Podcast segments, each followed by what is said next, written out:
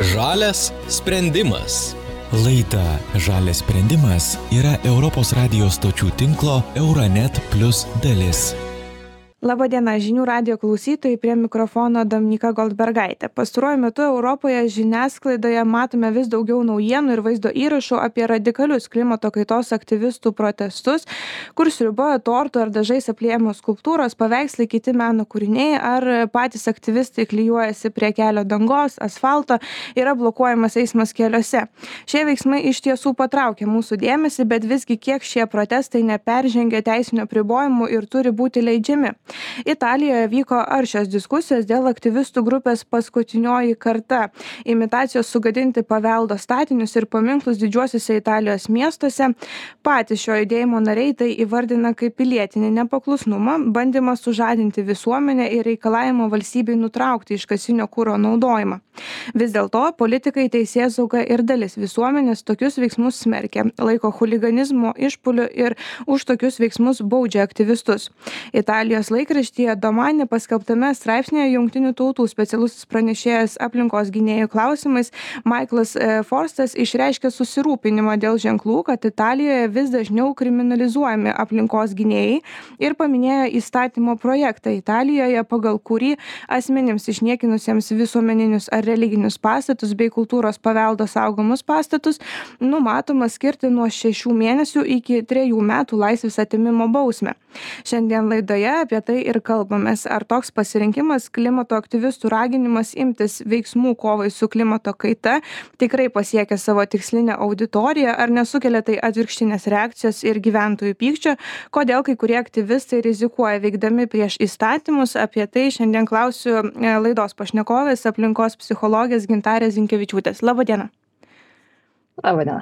Tai gal ir pradėkim tiesiog nuo jūsų vertinimo e, tų radikalių klimato aktyvizmų veiksmų pastaruoju metu, jau mano minėti aplėti e, paveikslai, e, klyjavimaisi prie asfalto e, ir panašiai. Kaip galvojate, ar pasiekė tikslo, o gal jų net ir nereikėtų vadinti radikaliais? Mhm. A, taip, tai iš tiesų mano nuomonė, jeigu būtum paklausęs prieš kelis metus, kai prasidėjo ir, ir, ir kiek, kokia nuomonė yra dabar, tai jinai ir, ir keičiasi. Manau, kad daugelis a, mąstė iš įvairių pusių. Tai visų pirma, kalbant apie visuomenės reakciją, reikia sutarti dėl tikslo dėl to kad man rodos mes vis dar skirtingai interpretuojame koks yra tikslas. Tai kai kurie e, galvoja kad tai yra tikslas yra šviesti edukuoti iš tikrųjų e, kaip mokslininkai apibrėžia e, tokių panašių veiksmų tikslus tai yra dvejopas tikslas. Visų pirma yra kelti visuomenės sąmoningumą apie problemą. Tai šiuo metu yra klimato krizės problematika ir kitas priežastis yra sustabdyti tam tikrus socialinės normas ar teisės neatitinkančius veiksmus. Tai pavyzdžiui, yra stabdomos naftos, dujot, dujotekiai ar, ar tiesiog priešinamasi naujų projektų įrengimui ar medžių kirtimui, kokį pavyzdį turėjome ir, ir Lietuvoje. Ir visų pirma, norėtųsi gal atkreipti dėmesį tai, kad klimato aktyvistai, nors ir kaltinami darantys žalą menui, iš tikrųjų tikslingai siekia nepadaryti žalos. Tai visų e, tie įvykiai, kuomet buvo aplieti paveikslai sruba ar, ar, ar panašus veiksmai, buvo labai tikslingai pasirinkti meno kūriniai, kurie yra apsaugoti išorinių tikslų. Tai iš tikrųjų tikslas nėra sunaikinti meno, tikslas yra padaryti šoką visuomenį ir atkreipti dėmesį. Ir tai, jog šie veiksmai yra žiniasklaidoje ir tai, jog šiandien kalbame apie tai, parodo, kad iš dalies tą tikslą ir pasiekia. Mes pradedame kalbėti apie panašius veiksmus ir pradedame kalbėti apie klimato krizę žymiai a, plačiau. E, man norisi pasidalinti viena citata iš kitos šalies radijo, paprašysiu ją trumpai dar ir pakomentuoti Протестите със сигурност показват една гражданска... Protestai tikrai rodo pilietinę poziciją, bet manau, kad jie turėtų būti taikus. Manau, kad kiekvienam yra vietos pasaulyje. Netikiu, kad iš riaušių gali kilti civilizuoti sprendimai ir veiksmai, nors dėja tikrai kartais kyla pasipiktinimas, yra tikrai didžiulis ir suprantu, kad žmonės pyksta. Juk visi nori savo vaikus auginti sveikoje aplinkoje, gerti švarų vandenį, valgyti švarų maistą. Bet aš laikausi nuomonės, kad dialogas turi būti вода, да се храниш чиста храна. Но аз съм на такова мнение, че трябва да има диалог. Gintarė, ar peržengė ribas dabar jau tie protestai, apie kuriuos mes kalbame, ar, ar visgi dar mes esam po dar tą ribą? Mhm. irgi sunku būtų su šituo atsakymu generalizuoti, nes turime įvairių protesto formų ir pats klimato judėjimas yra labai įvairialypis, koks man rodos ir turėtų būti. Manau, kad tie e, protestai, kurie yra arti normos, irgi galbūt klausimas, man rodos, kiekvienas turės skirtingą nuomonę, kas peržengia normą ir kokios yra mūsų normos, kadangi taikus pilietinis nepaklusnumas na turi tą nepaklusnumo dalį tai vadinasi kažkiek tų normų reikėtų peržengti kad sukeltume šoką. Klausimas kur yra riba ir kiek mes radikalūs turime būti kovodami už klimatą. Čia vėlgi man rodos yra tikrai labai erdvė visų di dialogui. Bet man tikrai patiko šitoje citatoje paminėtas dialogas. Man rodos mes turime turėti tą dalį klimato aktyvistų kurie šokiruoja kurie atkreipia dėmesį bet yra žiauriai labai labai labai svarbu turėti ir kitą dalį klimato aktyvistų kurie yra skatinantys dialogą kurie yra išklausantys kurie yra tenais am interpretuojantys kas vyksta. Tai man rodos negali nei dalis ne negalime išspręsti ir atkreipti visuomenės dėmesio tiktais radikaliais judėjimais nes taip jie sukelia nepasitenkinimą jie suke padaro klimato judėjimą kontroversišku. Tai vien jie problemos neišspręs bet vien a taikiai besiklausydami mes matome kad klimato judėjimas jau ne vieną dešimtmetį vyksta ir viena iš priežasčių kodėl žmonės eina į šiuos į į radikalius veiksmus dėl to kad mato jog na pokytį pokytis neateina taip greitai kaip greitai mes turime e, be bestiprėjančius klimato e, pasekmes mūsų pasaulyje.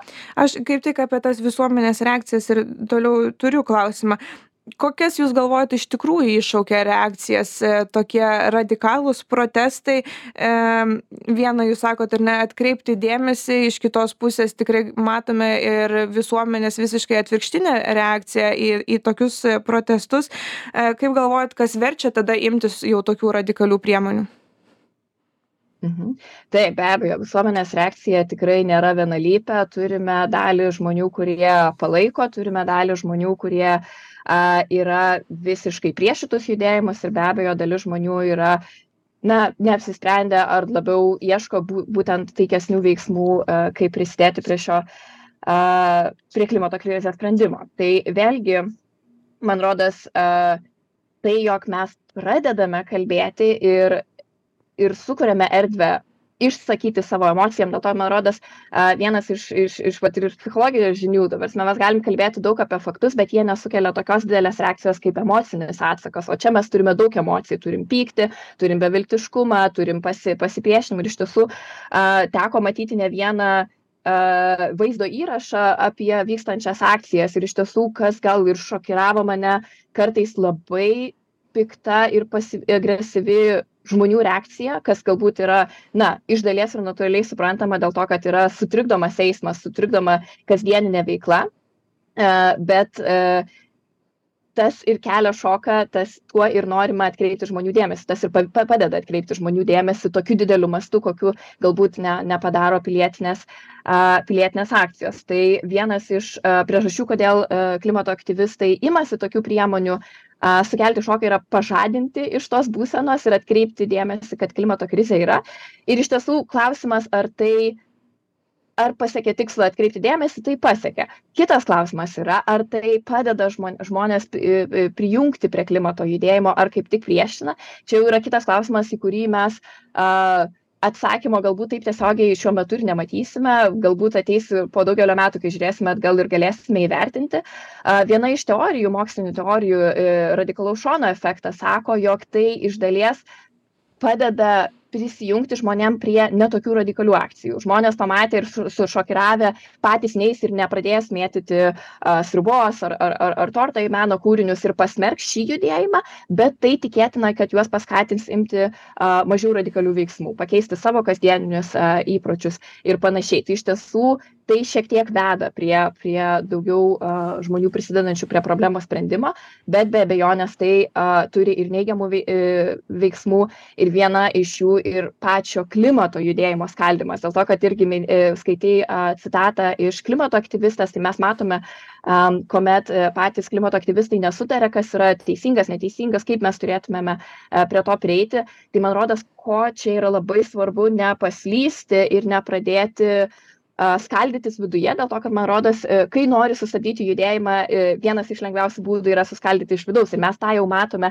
su e, klimato judėjime, kuomet buvo prasidėjusios šios akcijos, atsirando ir konspiracijos teorijos, kad būtent šios akcijos yra finansuojamos iš naftos magnatų buvo atvejis apie Eileen e, Betty, jeigu atsimenu teisingai jos e, vardą, kuomet jinai yra e, naftos magnatų palikuonė, naftos įmonė jau nebeveikia, bet jinai naudoja savo šeimos palikimą tam, kad remtų klimato aktyvistus. Tai būtent šita istorija buvo paimta, kad iš tikrųjų jinai bando daryti įtaką klimato aktyvistam. Tai vad matome, kad bandoma šį judėjimą suskaldyti ir iš vidaus, statant ant išsiskiriančių nuomonių. Tai man rodas, kad ir kaip yra sunku, tiek ir pats ir visuomenė, tiek ir klimato judėjimas na, neturėtų užsidaryti vieni nuo kitų. Tai nereiškia, kad vienas ar kitas veiksmas yra teisingiausias. Mes esam, mes susidurime su precedento neturinčią situaciją klimato krizę tai yra problema kurios mes dar nesame išsprendę tai natūralu kad daugelis bando vis skirtingus veiksmus. Kurie veiksmai yra teisingi galbūt mums reikia visko po truputį kaip ir sakiau. Reikia tų kurie atkreipia dėmesį jog problema yra bet reikia ir tų kurie tada prieis ir padės surasti teising patogiausius būdus mums kiekvienam prisidėti prie problemos sprendimo. O ką Jūs galvojate apie mano pradžioje įvardintą Italijos atvejį, apie siūlymą, e, siūlomą įstatymo projektą už padarytą žalą, e, na jau ne imitacinę, e, kur pavyzdžių mes tikrai matėm, bet na jau tą tikrą išniekinimą e, ir religinių, ir visuomeninių pastatų, e, kultūros paveldo e, ir už tai susilaukti, na net laisvės atėmimo bausmės. Panašu, kad sulaukia ir visuomenės pritarimo tokie Italijoje sprendimai. E, kiek tai iš tikrųjų yra na, naudinga išsaugant tą kultūrinį paveldą, o kiek tai stabdo tą mūsų kovą su klimato kaita ir na, leidžia klimatui dar labiau šilti. Mhm. Taip, tokie atvejai tiek ir Italijoje, tiek ir Junktinė, Junktinė karalystė irgi yra stiprinami, planuojama stiprinti bausmes už panašius veiksmus. Bet kokiu atveju tai skatina pasipriešinimą. Tai nėra problemos sprendimas tai tiek viena pusė reaguoja agresyviai tiek manau kad tai nebus priežastis kodėl klimato judėjimas nustos veikti. Dar kartą norėtųsi gal pabrėžti, kad klimato radikalus veiksmai, jie, jų tikslas nėra sunaikinti meno, jų tikslas nėra uh, daryti žalos uh, meno kūriniam. Jeigu daroma žala, tai dažniausiai uh, taikinys yra naftos uh, uh, dujų ir anglės įmonės ir, ir jų infrastruktūra, taip, ten žalos yra pridaroma, tikint, jog skatinant žinutę, jog šios infrastruktūros jau nebeturėtų uh, toliau būti eksploatuojamos.